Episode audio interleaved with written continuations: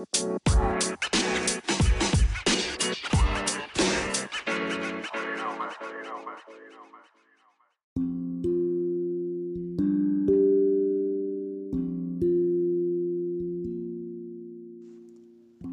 Sobat Indonesia, kembali lagi dengan saya Wildan Fauzi, founder dari Milenial Cerdas, yang akan menemani kalian beberapa menit ke depan.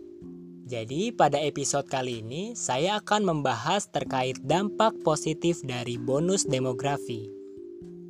Dampak positifnya adalah terbentuknya generasi emas bangsa atau generasi penerus dari kalangan pemuda yang siap memikul tanggung jawab bangsa, mengabdi dan berkorban pada bangsa, serta bersedia membangun maupun mengelola bangsa.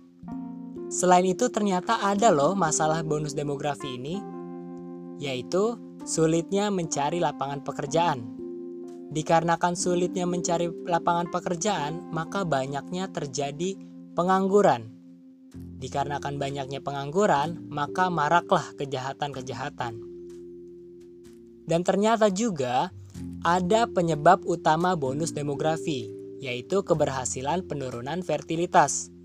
Dan didukung oleh Undang-Undang Nomor 52 Tahun 2009 tentang perkembangan kependudukan dan pembangunan keluarga yang ternyata diundangkan pada tanggal 29 Oktober tahun 2009. Terus bagaimana? Apakah ada resikonya? Jadi, negara yang tidak siap menghadapi bonus demografi ini ada resikonya.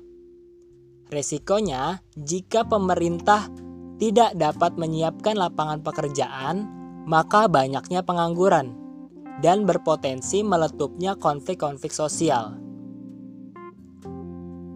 Terus bagaimana dampak bonus demografi terhadap pembangunan.